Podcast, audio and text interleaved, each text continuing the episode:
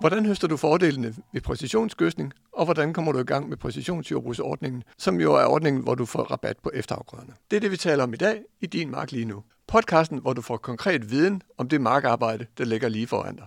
Mit navn er Torkel Birkmose. Jeg arbejder her på Sikkes Innovation med gødsning, øh, landskonsulent i gødsning. Og med mig i studiet der, i dag har jeg min gode kollega Christian Furdal Nielsen, som også er landskonsulent i, i gødsning og har arbejdet med præcisionsjordbrug i, i mange år. Vi skal i dag snakke om øh, præcisionsjordbrug.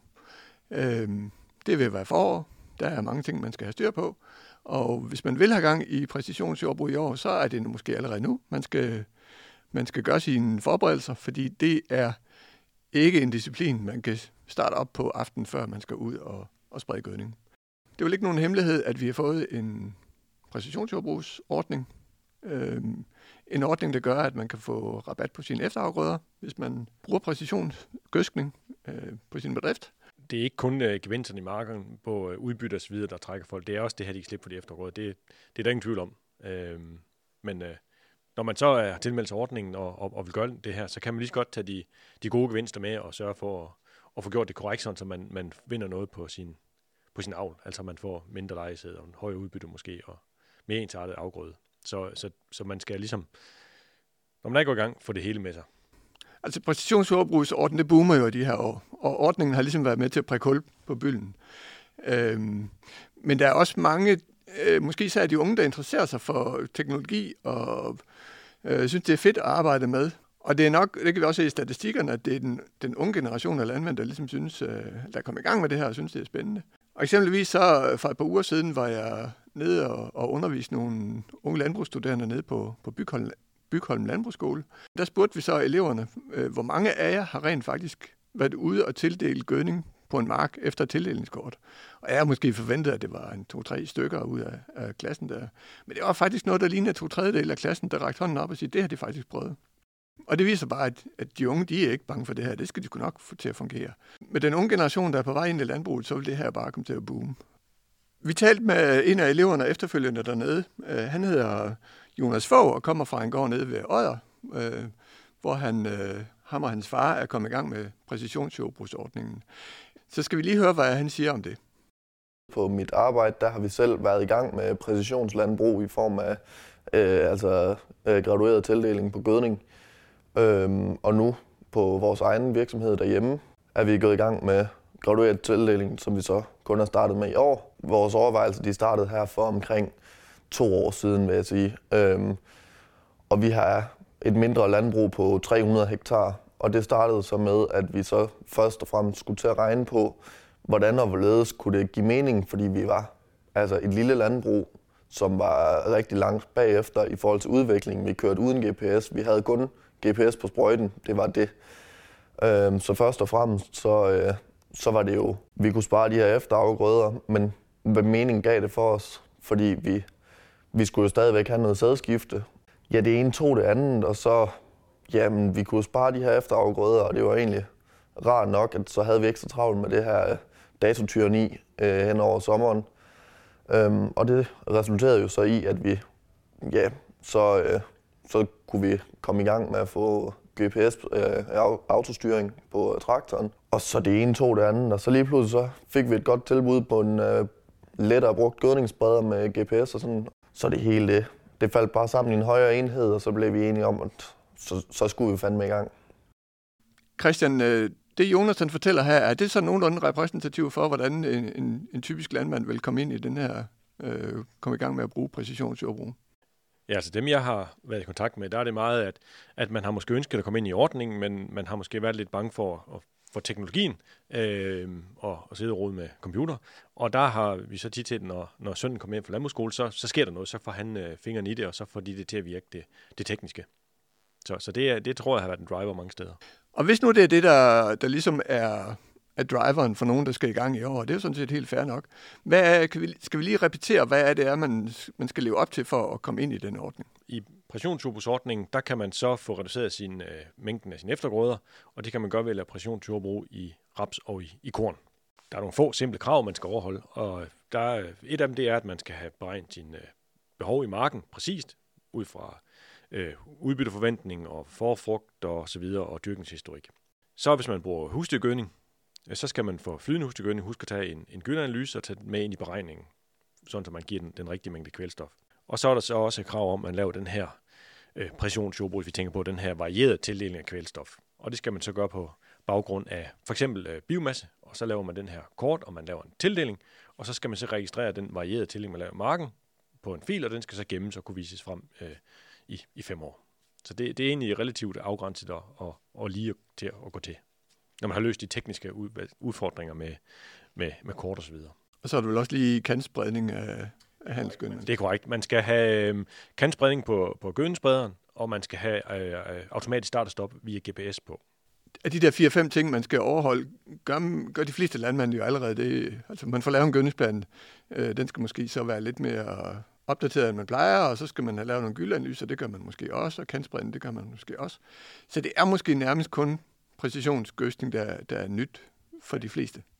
Ja, men selvfølgelig skal man lige være opmærksom på, at man sørger for at få det gjort, og få sendt den analyse og få den registreret osv. Lige overholde de formkrav. Men, men det store arbejde, det er jo i at få lavet det her grundige kort og få lavet den varierede tillægning. Det er jo der arbejdet ligger, kan man sige. Gødningsplanen er jo helt central i det her. Og de fleste landmænd, de får lavet en gødningsplan i løbet af vinteren.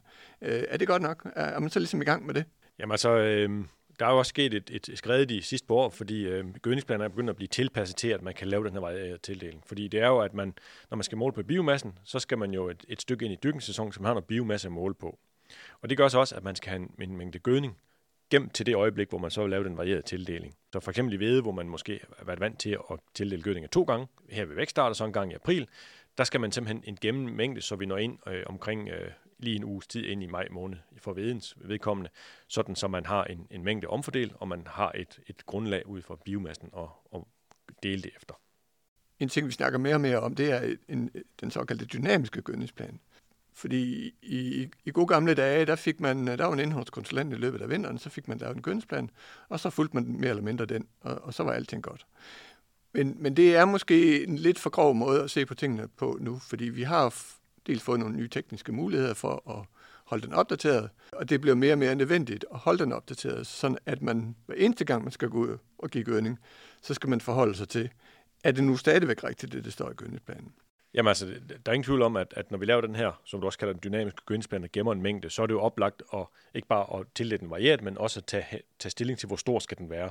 Fordi det kan, når man kommer ind i sæsonen, kan det være, at man siger, at min afgrøde den har virkelig optaget det her gylde, eller den er virkelig grået til, at der har været en god mineralisering, så det behov er måske mindre. Så kan man lave en justering. Endnu en driver, det er jo også de der ekstreme prisudsving, vi har set på, på kvælstof og, og afgrøder de sidste par år her.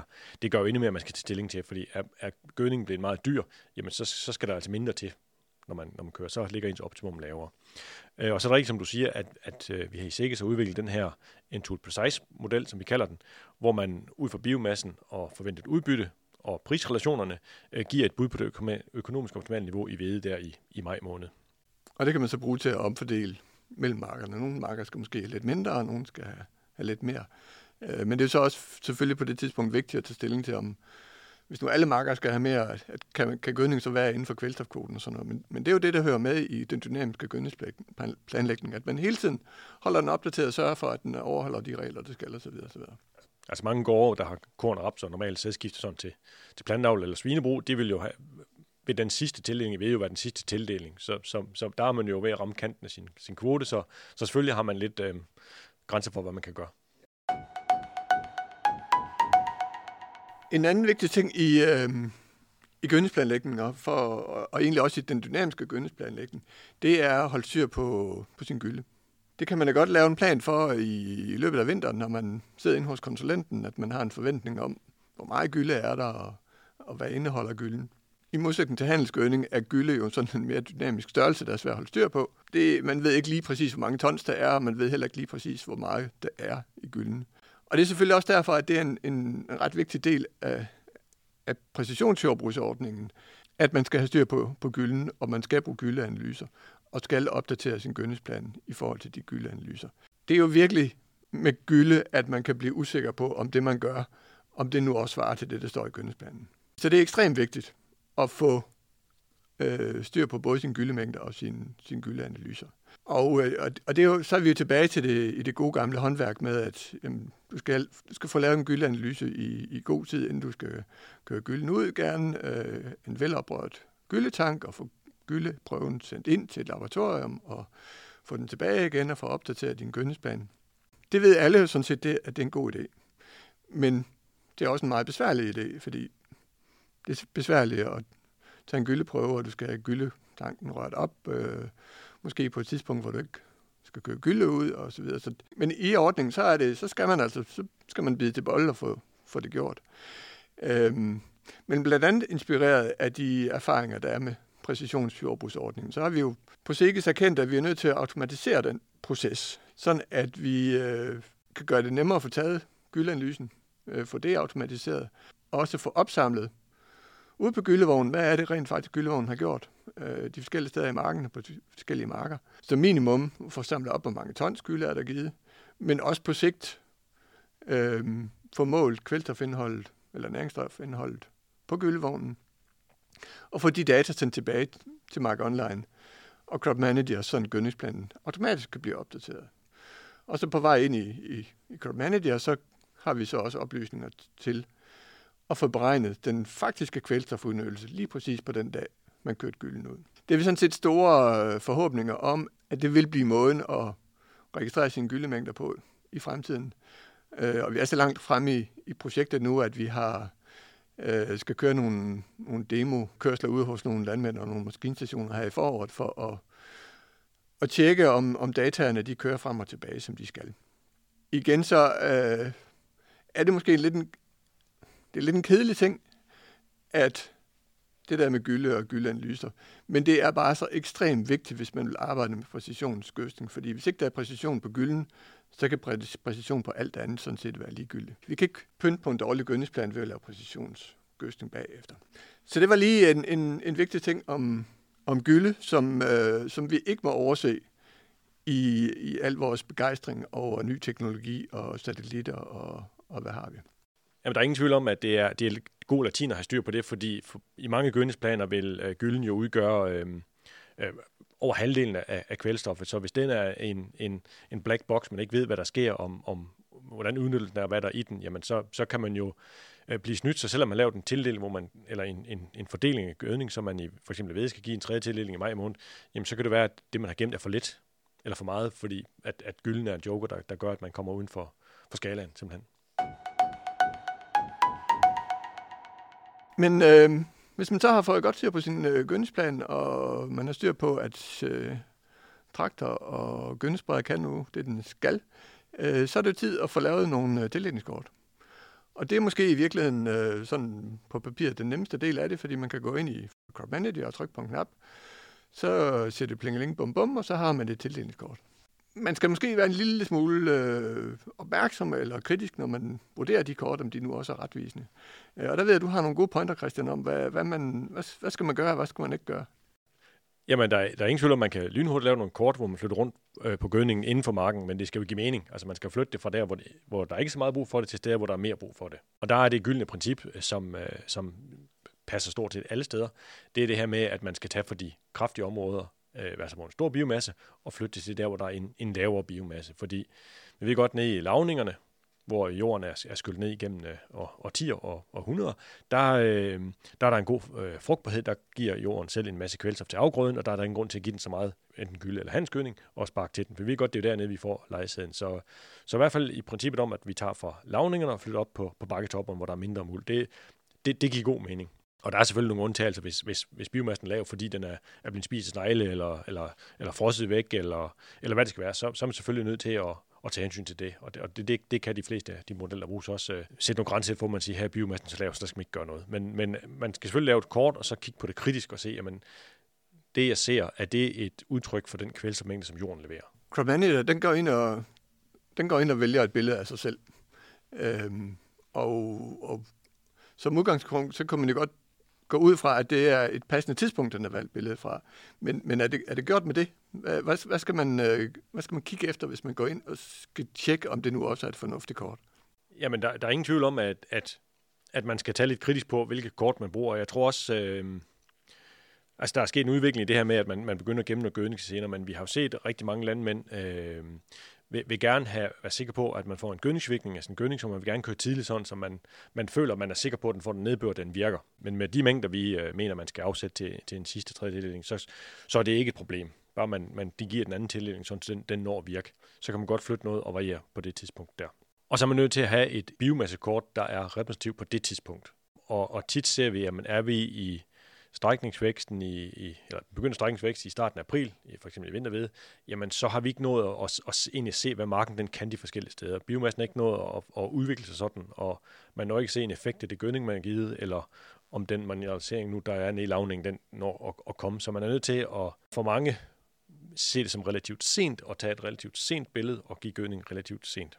Så, så man er nødt til at gå ind og se, se efter, man kan få nogen måske i, i maj måned i Vinde. Altså i, i vinterbyg er det selvfølgelig lidt før, der er det måske i april måned, vi, vi skal ind og se. Men øh, kig på billeder fra marts måned i korn og prøv at omfordele hen i, i april-maj måned. Det, øh, så kan man lidt komme til at gøre noget galt og komme til at flytte den, den forkerte vej faktisk, ser vi. Og man kan jo sige, også generelt inde i, i Crop Manager, det vil altid, når man går ind og laver sit tildelingskort, så får man det bare vist tildelingskortet.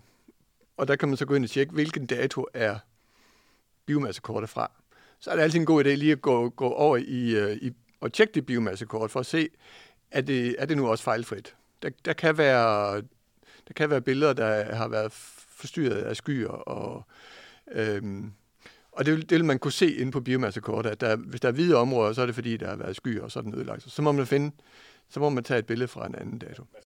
Man, man skal så forholde sig lidt kritisk til det, og, og ikke nok med, at der kan være skyer på, eller, eller eller, eller andre ting, der, der lige gør det. Man kan også have gjort ting, som gør, at den biomasse, der måles, øh, ikke er, er retvisende. For eksempel, hvis man har sprøjtet relativt sent med, med græsudkrudtsmidler i, i afgrøden, så får man en lysfarvning af afgrøden, og det vil modellen jo opfatte, som om den mangler kvælstof, og så vil man flytte kvælstof over. Det er måske ikke øh, nødvendigvis det rigtige. Øh, og også hvis man har meget store gyldespor, for eksempel en, et, et returspor, man, man kører, eller, eller en, en forår, hvor der er meget store gyldespor, jamen så vil det jo i, i gennemsnit af, af den pixel, eller hvad man skal kalde det, som, som satellit ser, vil man have en meget lav biomasse, men, men der er ikke nogen, synes, vi skal køre en masse gødning hen i, i gyldesporene. Så, så der skal man måske forholde sig lidt kritisk. Eventuelt, hvis det altid er det øh, spor, der er galt med, så oprette det som sådan en, en, øh, et, et, et basislag, man kan pille fra, eller sætte en fast mængde på. I nogle tilfælde skal man bruge øh, et relativt sent kort, og det, det nyeste kort. Øh, men der kan vi jo løbe ind i perioder, hvor, hvor der ikke er kort, fordi der bare har været skyer. Og det så vi jo i maj måned for et par år siden, at der var der skyer hele, hele året. Hvad, pokker, hvad stiller man så op? Jamen det er jo akillesælen i, i den måde at gøre det på, at, at vi er så uh, tvunget til at, at have de her satellitbilleder. Vi kender jo Danmark, det kan jeg godt finde på at regne og have masser af skyer. Så, så det giver i nogle år nogle problemer. Og det har vi også prøvet at, at, at se, om vi kan omgå ved at og, og se på nogle, nogle modeller, der kan fremskrive biomassen. Hvis den kender et, et, et biomassen fra, fra, fra april, så kan den med vind og vejr og så videre regne frem til, hvordan vil, vil det se ud under skyerne. Og, og det har vi nogle, nogle, nogle, nogle gode erfaringer med at se, at det kan nok godt lade sig gøre, og det, det arbejder vi på, at, at det kommer ind i, i modellen. Og man kan også forestille sig, at vi laver noget med, øh, med at man ser på, på tidligere års biomasse i den mark. Hvis, hvis det er repræsentativt, hvor den altid leverer, det er altid lavningen, det kommer, så, så kan man jo på en eller anden måde måske regne i gennemsnit, og det er også noget, vi arbejder med. Og så kan man bruge det, hvis man mangler biomasse godt. Så ligesom det, det er godt at have en plan B, når man nu har gemt gødning, og man har anlagt sin ordning, eller tilvændelse ordning, hvor man skal køre der i, i, i maj måned. Så, øh, så er det ret at have en plan B, hvis der nu er skyer. Og man kan sige, at plan B, det, øh, hvis nu vi taler Vorbyg, så kunne det vel egentlig godt blive plan A, at øh, vi skal kigge på et biomassekort fra tidligere år. Fordi hvis man omfordeler sin, øh, sin gødning til Vorbyg, når man så, så er der jo ikke nogen aktuel biomasse at måle på. Så er man nødt til at gå, gå et år eller to, eller ja, hvor, hvor langt skal man gå tilbage? Hvad skal man egentlig, hvad bør man egentlig gøre der? Jamen, man skal jo vælge et, et kort fra tidligere år med en afgrøde, der er repræsentativ. Øh, men, og det er til vorebyggen her, så kunne man jo kigge på en tidligere Vorbygmark eller en tidligere hvedemark. Men, men, men det her med, at, at man går tilbage i tiden, det, det kan bare være svært at huske, hvad der var i den mark. Fordi har man nu haft isåninger i marken, eller man har sprøjtet med det her græsukrudsmiddel, eller hvad man har gjort. Så man skal lige, øh, man, man, man skal lige tænke sig godt om, og måske ikke gå for langt tilbage i tiden. Så kan man gå den galt afsted. Så er der også den her, øh, øh, i, i vinterrapsen, øh, hvis man skal lave den første tildeling her, og man omfordeler den, så, så vil rapsen mange steder jo stå og have en, en misfarvet eller, eller tabt bladmasse på grund af, af frostløbet i vinteren. Hvad, hvad, hvad gør de så der? I vinterraps den første tildeling, og sådan set også øh, i vintersæd den første tildeling, der, der kigger vi ikke på aktuelle forårskort, netop fordi de kan være forstyrret af alt muligt i løbet af vinteren. Der bakker vi så tilbage til, til november måned og siger, hvordan stod afgrøden der. Øh, fordi det, der går vi ud fra, at der har den groet så længe, at den ændring, eller den forskel, vi ser i biomasse, den også kan være øh, forårsaget af, af forskelle i mineralisering, mineralisering fra jorden. Så der skal vi vælge et kort, helst et kort, inden der kommer alt for meget frost, fordi vi, vi kan se, at øh, når det begynder at komme nattefrost, så, så falder biomassen, og så bliver den ikke repræsentativ længere. Så der tager vi, øh, så programmet tager automatisk det kort med den største biomasse i løbet af, af efteråret. Øh, og det vil typisk være i, i starten af november. Øh, så, så hvis man finder et kort deromkring, så plejer det at være fint. Lige præcis øh, efter 2022 var øh, præget af mange skyer, øh, og hvis man går ind og kigger i databasen for, for biomassebilleder, der er fra november måned og slutningen af oktober, hvor vi gerne vil have dem, er der ikke ret mange billeder.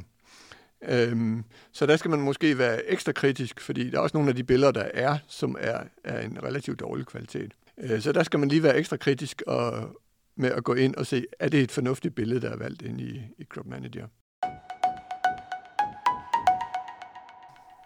Nu har vi så været lidt rundt om øh, præcisionsgøstning, og øh, vi håber, at du øh, føler dig klædt, klædt på til at komme i gang med den nye sæson og har fået lyst til det.